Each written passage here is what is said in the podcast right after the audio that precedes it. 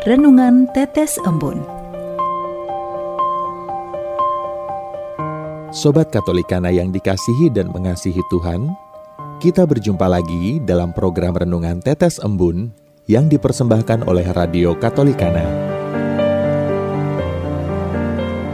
Mari kita siapkan hati untuk mendengarkan firman Tuhan.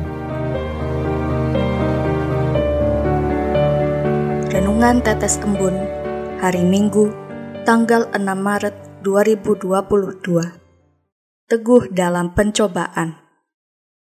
Bacaan ini diambil dari Lukas 4 ayat 12 Jangan engkau mencobai Tuhan Allahmu. Hidup adalah pilihan.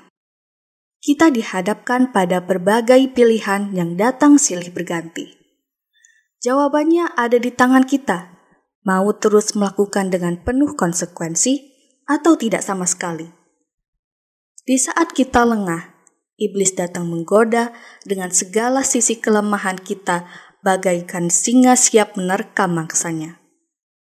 Iblis bisa menyerupai berbagai macam bentuk.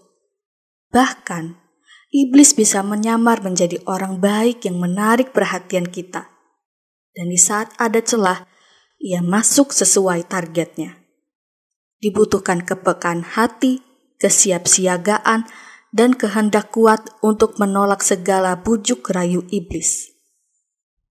Firman Tuhan hari ini menyajikan kisah Yesus dicobai oleh iblis di padang gurun. Di padang gurun, Yesus berpuasa selama 40 hari. Yesus dihadapkan pada cobaan jasmani untuk mengubah batu menjadi roti, mendapatkan harta kekayaan, dan ditantang untuk jatuh demi untuk membuktikan keperkasaan dirinya.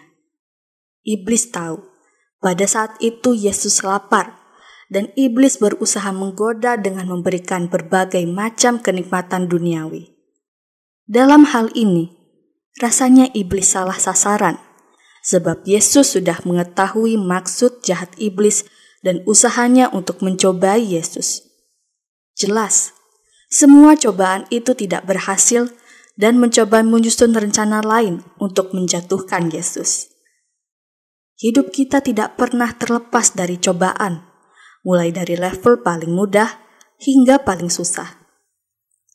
Cobaan yang datang pun beragam, mulai dari tantangan iman, kejujuran, hingga membuat hati nurani kita tumpul.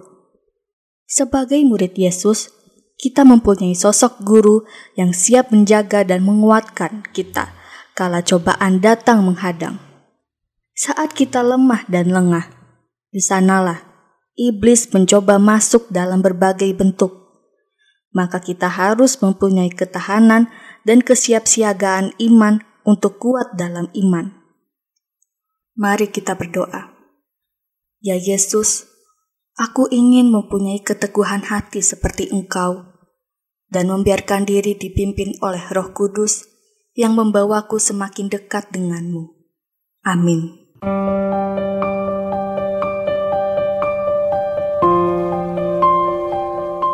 Demikian, Anda telah mendengarkan Tetes Embun yang dipersembahkan oleh Radio Katolikana.